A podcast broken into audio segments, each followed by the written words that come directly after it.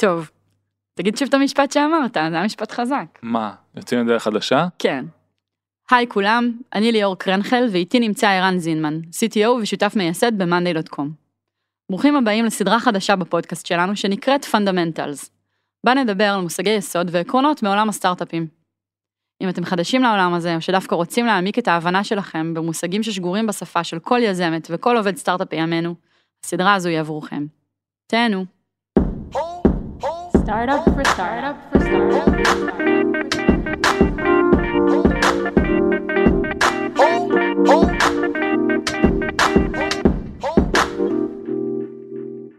ממש כמו שעשינו בפרק 0 בפודקאסט שהקלטנו לפני שנתיים, גם כאן נתחיל מלהסביר למה אנחנו עושים את זה. הבנו אחרי כמעט 80 פרקים שה, שהפודקאסט המרכזי שלנו, שסטארט-אפ פור סטארט-אפ בעצם מדבר על, על אתגרים שאנחנו מפצחים ומאוד מאוד משתף בתהליכים ובדרך שבה אנחנו פותרים דברים בתוך מאנדיי, אבל יש עוד עולם שלם של תוכן שמתייחס לעקרונות שהם חיצוניים אלינו, למושגים ש, שאי אפשר כמעט לגשת לשום תהליך עבודה בלי לדעת אותם.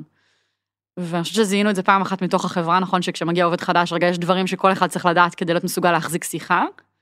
ופעם שנייה גם כשאנשים מתייעצים איתנו, אז, אז כדי שהם בכלל יבינו את התהליך שאנחנו מדברים עליו, יש כל מיני מונחים ועולמות תוכן שבלעדיהם אי אפשר לצאת לדרך. אני חושב שגם הרבה פרקים אה, נבעו מדברים שקרו לנו בנקודות זמן מסוימות, ומה שגרם לנו כאילו לדבר עליהם. אנחנו משתפים בתהליך חשיבה שלנו ובתהליך ההתפתחות, וזה... בעצם לעשות, לעשות איזשהו baseline. ידע כזה שאנחנו מרגישים שהוא הכרחי בשביל אה, להבין אולי חלק מהדברים שאנחנו מדברים עליהם או בשביל להיות בחברה שהיא דומה לנו לצורך העניין. אה, והוא לא מונגש לכולם זאת אומרת הוא לא זמין בהכרח. נכון. אה, וגם יש לו המון דיטלס שמבינים אותם לאורך זמן מהניסיון. והוא גם שפה זאת אומרת אני חושבת שעוד משהו שהבנו זה שיש איזושהי שפה שהיא. אתה יודע, לפעמים כשאנשים מקשיבים לזה, לפרקים שלנו מתעשיות אחרות, הם מבינים את האסנס, הם מבינים את המהות של, נגיד, של איזושהי תובנה, אבל הרבה פעמים אומרים לי, זה לא עברית, זה לא אנגלית, זה, זה, זה שפה של, של, של SaaS אפילו, בא לי כן. להגיד, זה אפילו לא שפה של סטארט-אפ.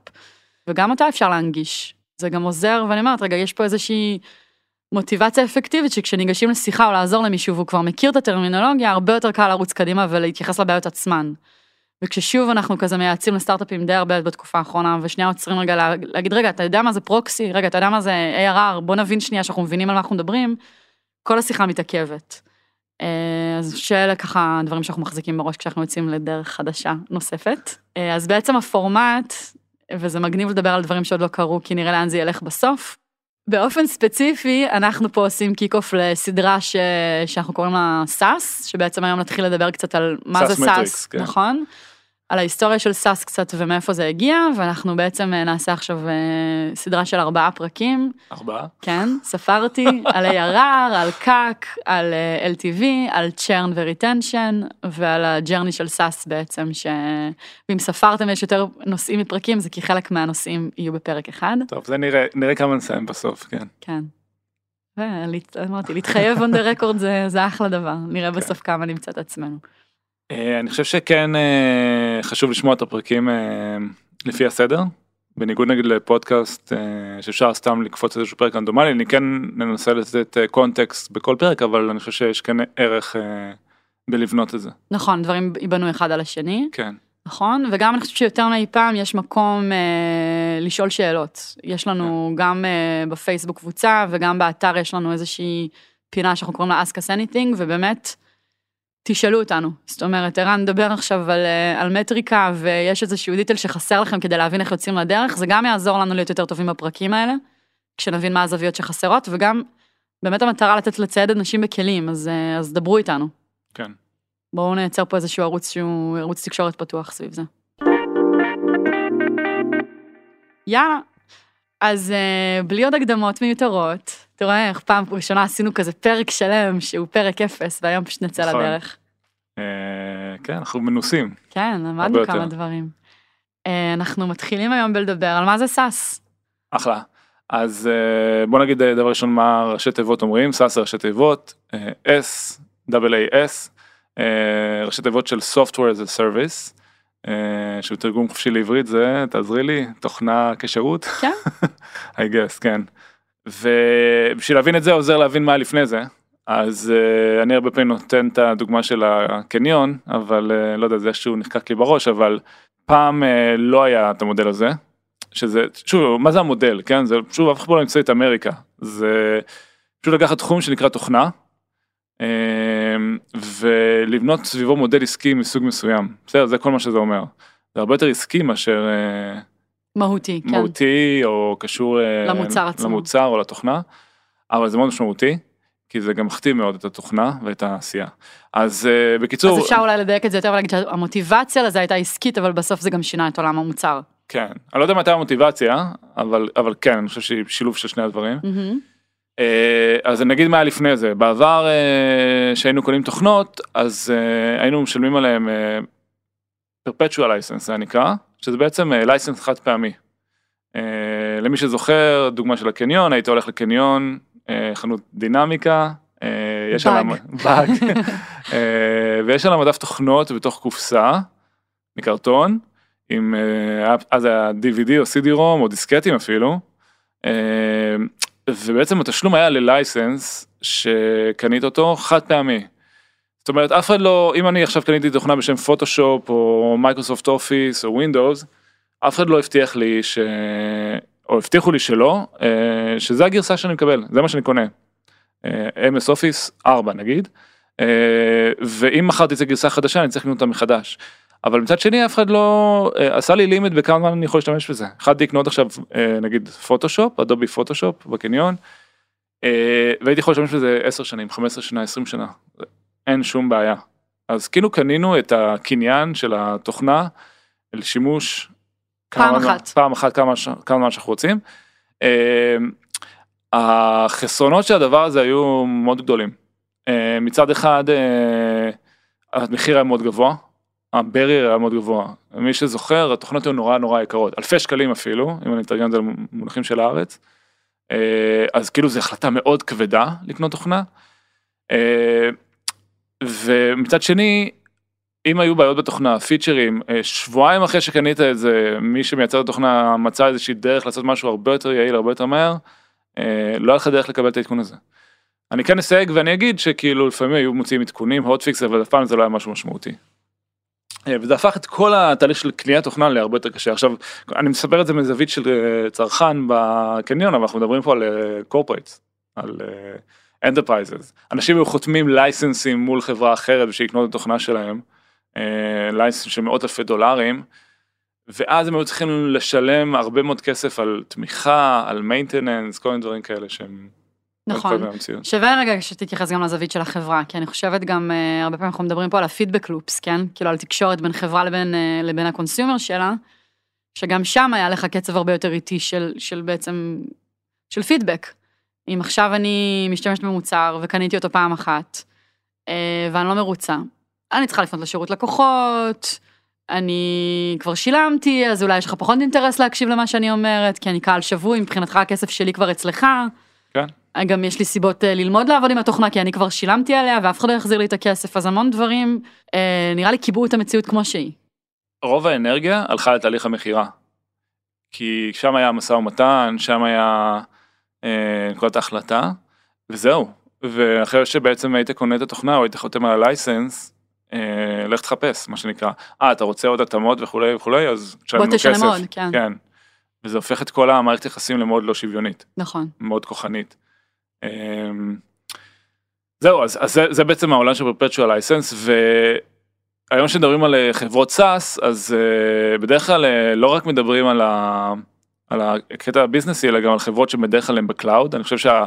עובדה שלא היינו קונים, כבר לא קונים את התוכנות פיזית, אלא זה שאנחנו צורכים אותם אה, באינטרנט לצורך העניין, זה גם ממש שינה את המחשבה. אז רגע אתה בעצם okay. אוקיי. אומר שהיה פה איזשהו עדכון טכנולוגי, כאילו איזושהי התפתחות טכנולוגית שאפשרה לדבר הזה לקרות. כן, כי אם תחשבי על זה, כאילו חלק מהבעיה של אה, שאתה קולט תוכנה זה כי זה היה המדיום להעביר את התוכנה, כאילו ה-CD או DVD, אז בוא נחשוב שנייה מה זה אומר לעדכן תוכנה כזאת. זה מה אני אשלח עכשיו דיסקטים לכל מי שקנה, אני אשלח DVD. אה, האינטרנט הזה היה ממש בחיתולים. יכלתי אולי להוריד עדכון, להתקין אותו מחדש על המחשב, שזה היה נגד האבולוציה הביניים, אבל ברגע שהגענו לתוכנות שהן כולן נצרכות על גבי הענן, זאת אומרת, ו- ואני זוכר שזה היה ממש מוזר, כי היית נכנס לאתרי אינטרנט וכאילו, מה, זה אני אשלם על זה? זה אתר אינטרנט, זה כאילו... מעניין, אז רגע, שנייה לפני שאתה קופץ לסאס, אה, אה, חשבתי על עוד מורכבות, כי פ- בעצם פתאום שוב ברמת החברה, אתה דיברת מאוד על הפרספקטיבה של מי שקונה, אבל לשחרר גרסה צריך להיות משהו שאתה מאוד סגור עליו. כי, כי אתה, אתה חותם על זה, זהו, זה המוצר, זה, זה מוצר פרימיום, אין עכשיו אה, באג קטן שתוך 48 שעות עולים עליו ומתקנים אותו לכולם ורצים קדימה.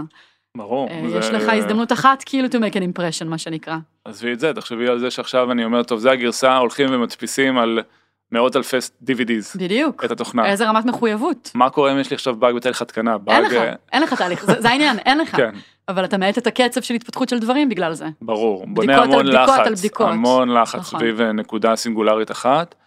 אה, לא משאיר שום מקום לטעויות. אה, מה שמאוד מאט את הקצב אה, של ה cycle ים. נכון. אוקיי, ואז אתה קופץ קדימה ואומר שבעצם בזכות ה cloud אה, התפתחנו.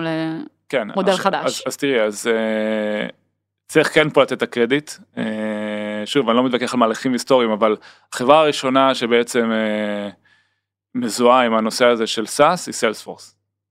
Salesforce, אה, הם היו הראשונים שגם נתנו את התוכנה לגמרי בענן, זאת אומרת, הדרך היחידה להוריד את ה-CRM שלהם הייתה להיכנס לאתר ולהשתמש בו, וגם הם, הם אמרו שהתשלום הוא subscription, הוא בעצם מינוי, אתה לא צריך לשלם מראש על כל, על התוכנה. אה, שהעולם הזה של, אה, של, של, של להיות מנויה למשהו קיים, כאילו הכרנו אותו מעולמות אחרים, הכרנו אותו מה offline, זאת אומרת עיתונים זה משהו שאתה עושה עליו מנוי, נכון, חוגים אתה עושה להם מנוי, אז כאילו המודל היה קיים בעולמות תוכן אחרים. נכון, הנושא של אה, מנוי מתחדש, subscription, הוא דבר שקיים בעולם האמיתי. הזכרת עיתונים, חדר כושר אני אוהב לתת בתור דוגמה, בעצם משהו שאני מתחי... שאני משלם אה, איזשהו מנוי חודשי מתחדש או מנוי שנתי ויכול להשתמש בשירות. אה, זה היה קיים בעולם העסקי, אה, אבל באמת Salesforce הראשונים שהביאו את זה לעולם של ה web, ואגב, אה, סתם בגלל שאני גיק של SaaS, עשיתי לפני אה, כמה שנים, יש אה, אתר כזה שנקרא The Wayback Machine, אה, שמאפשר לראות אתרים של חברות, אה, ממש מההיסטוריה של האינטרנט, הם לוקחים סנפשוט. אז נורא נורא עניין אותי אה, איך זה נראה בהתחלה. כי אני מאוד אוהב לראות איך דברים קורים בהתחלה, כי זה אומר לי המון על תהליך החשיבה של אנשים שכאילו זה החליטו די החלטות. מרתק אגב, כן. מי שלוקח שנייה. זה מה- די מדהים. אם תיכנסו עכשיו לאתר של סיילספורס אה, מהיום שהם השיקו, זה ממש מדהים לראות את המסרים אה, שיש להם באתר. הם אה, רושמים שם, כאילו תחשבו זה Salesforce, כן? עכשיו אנחנו מסתכלים על Salesforce, אבל אם אתם נכנסים לאתר של אז, אז רשום שם אחד, אה, שהתוכנה היא לגמרי ב website, כאילו אתה לא צריך לק- לקנות דיסקטים ומה שרשום שם, אה, ורשום שם שזה, שאתה יכול לשלם חודש בחודש, אתה לא חייב להתחייב. זה מה שרשום באתר, הם הסבירו, כאילו ה-value proposition שלהם היה הרבה מאוד מה המודל שהפך להיות. SaaS. כן, המודל העסקי, בכלל בקושי דיברו על התוכנה, אה, שזה די מגניב. בטח אמרו שזה משוגע וזה לא יעבוד, אז שהם אה, עשו את זה ככה. לא משנה, אז נחזור לענייננו, אז, אז, אה, אז הם היו הסנונית, אבל, אבל בעצם אה, אם אני שנייה אכנס את כל מה שדיברתי עליו, שזו הקדמה מאוד ארוכה, היום כשמדברים על SaaS, בעצם מדברים על שני דברים. אה, אחד זה מודל עסקי של מנוי, שאתה בעצם לא משלם מראש ל license מאוד מאוד יקר, אלא משלם בין אם זה מתחדש כל חודש או כל שנה, אבל יש לך איזה חירות בחירה. ונקודות יציאה ברורות. בנקודות יציאה ברורות. והדבר השני, אה, ב-99% מהמקרים אני יכול להגיד שזה ב cloud. שזה בעצם אה, אתר, website ב cloud, אה, נראה לי הגזמתי עם 99%, כי היום גם אם תחשבו על זה, תוכנות כמו Microsoft Office לדוגמה, הם עברו ל subscription. Adobe Photoshop עבר ל subscription, אתה משלם היום חודש בחודש, אתה כבר לא קונה היום Office. זה די מדהים שזה קרה ככה מתחת ל... בשטח, אבל זה קרה, החברות האלה עברו תהפוכות מטורפות. אבל היום כמעט אתה לא קונה שום תוכנה שהיא עם license מראש. זהו, ועוד עוד משמעות של זה היא גם הנגישות, כי אם פעם היית קונה דיסקט ואם הוא לא עליך, או התקנת על מחשב אחד וזהו, ההתקנה שלך מומשה, כן. היום אני יכולה לצרוך את התוכנות שלי מכל מקום, מכל מחשב, מכל מובייל, מכל דבר. כן. אה, עכשיו מה שזה, מה שזה עשה בעצם, אה, אני לא יודע אם אה, זו הייתה הכוונה, אבל זה יצר אליימנט, זה יצר מערכת יחסים הרבה יותר שוויונית בין הקונה ובין המוכר.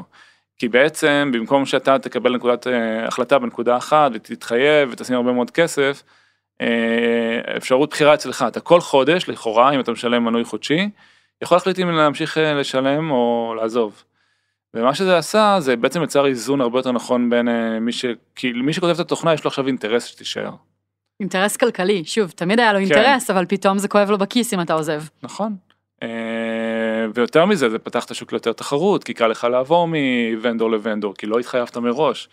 אה, ואתה אם אתה בתור מי שמספק את השירות לא מחדש כל הזמן ולא מתקן את הבעיות אז אתה תצפה שה user ים יעזבו. כאילו הם, אתם לא כבולים בשום אה, דרך. ואם אני אחבר את זה גם ל cloud, מה שדיברנו, הרבה יותר קל להביא עדכונים, כי כבר לא צריך להביא דיסקטים ולא צריך להביא DVD, זה לא- פשוט אני מעדכן את האתר, ויש אפילו איזושהי ציפייה שהדבר הזה לא יישאר סטטי. כאילו, כי זה משהו שמאוד קל לעדכן והוא בצד של מי שמספק את השירות, הוא לא מה שאתה צריך לעשות. ועוד עולם שנפתח בעקבות הדבר הזה, זה שפתאום אתה מחבר אה, את הפן העסקי לשימושיות. כי אני אם קניתי דיסקט עכשיו, אתה לא יודע כמה אני משתמשת בדיסקט הזה. אתה יודע אם קניתי את העדכון גרסה פעם בעוד שנתיים או משהו, אבל פתאום, כשאתה כל חודש תלוי בי כמשתמשת, לחזור, אז מאוד מעניין אותך איך אני משתמשת במוצר, כמה אני משתמשת במוצר. שאלות כאלה שקשורות לדרך שבה צורכים את הדברים, הן הן שאלות חדשות. נכון. אה, וגם זה הפך את כל הנושא של אה, לגבות שירותים על maintenance על התאמות ללא רלוונטיים.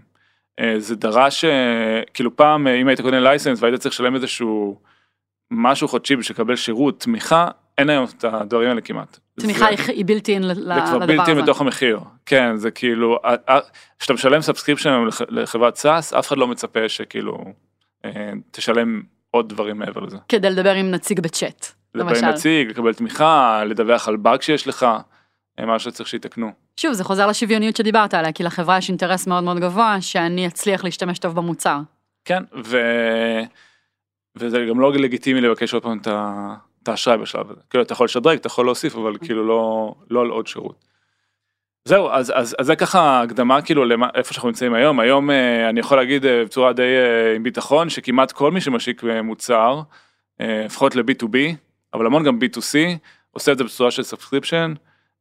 טל ניתן כמה דוגמאות כדי שנראה שכולם מחוברים, אז אה, דיברנו על Salesforce, אבל אה, גם Monday לצורך העניין זה חברת SaaS, Wix זה חברת SaaS, WalkMe זה חברת SaaS, כמה דוגמאות מישראל, אה, שבעצם אתה משלם חודשי או שנתי בשביל להשתמש בשירות, אבל יש גם המון תוכנות שהן consumer שהן אה, תוכנות SaaS. מה זה Spotify? אתה משלם כל חודש בשביל לשמוע מוזיקה. מה זה נטפליקס? משלם כל חודש או פעם בשנה אה, בשביל לראות טלוויזיה. הנה זום עכשיו היא בעצם זום, תוכנה של- כן, בשביל לעשות שיחות וידאו. אה, זה, זה עדיין, לעס- טוב, זה גם עסקים וגם individuals, אבל, אבל זה כאילו נמצא בכל ה... כל העולם סביבנו, וגם דיברנו על תוכנות שמותקנות על המחשב, כמו וורד ופוטושופ וכל מיני דברים כאלה.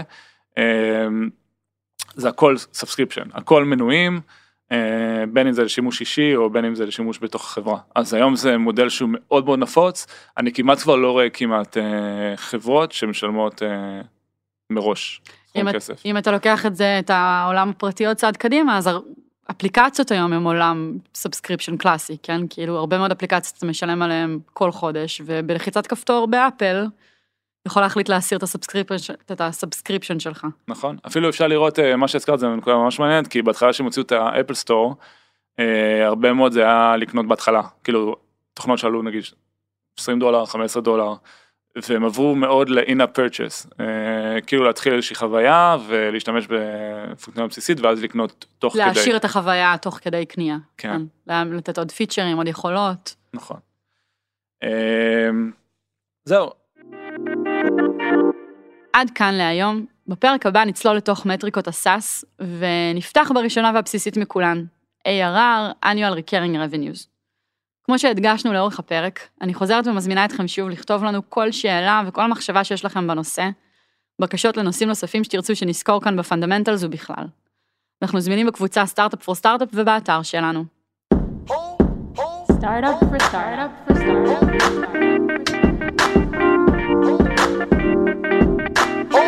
Oh.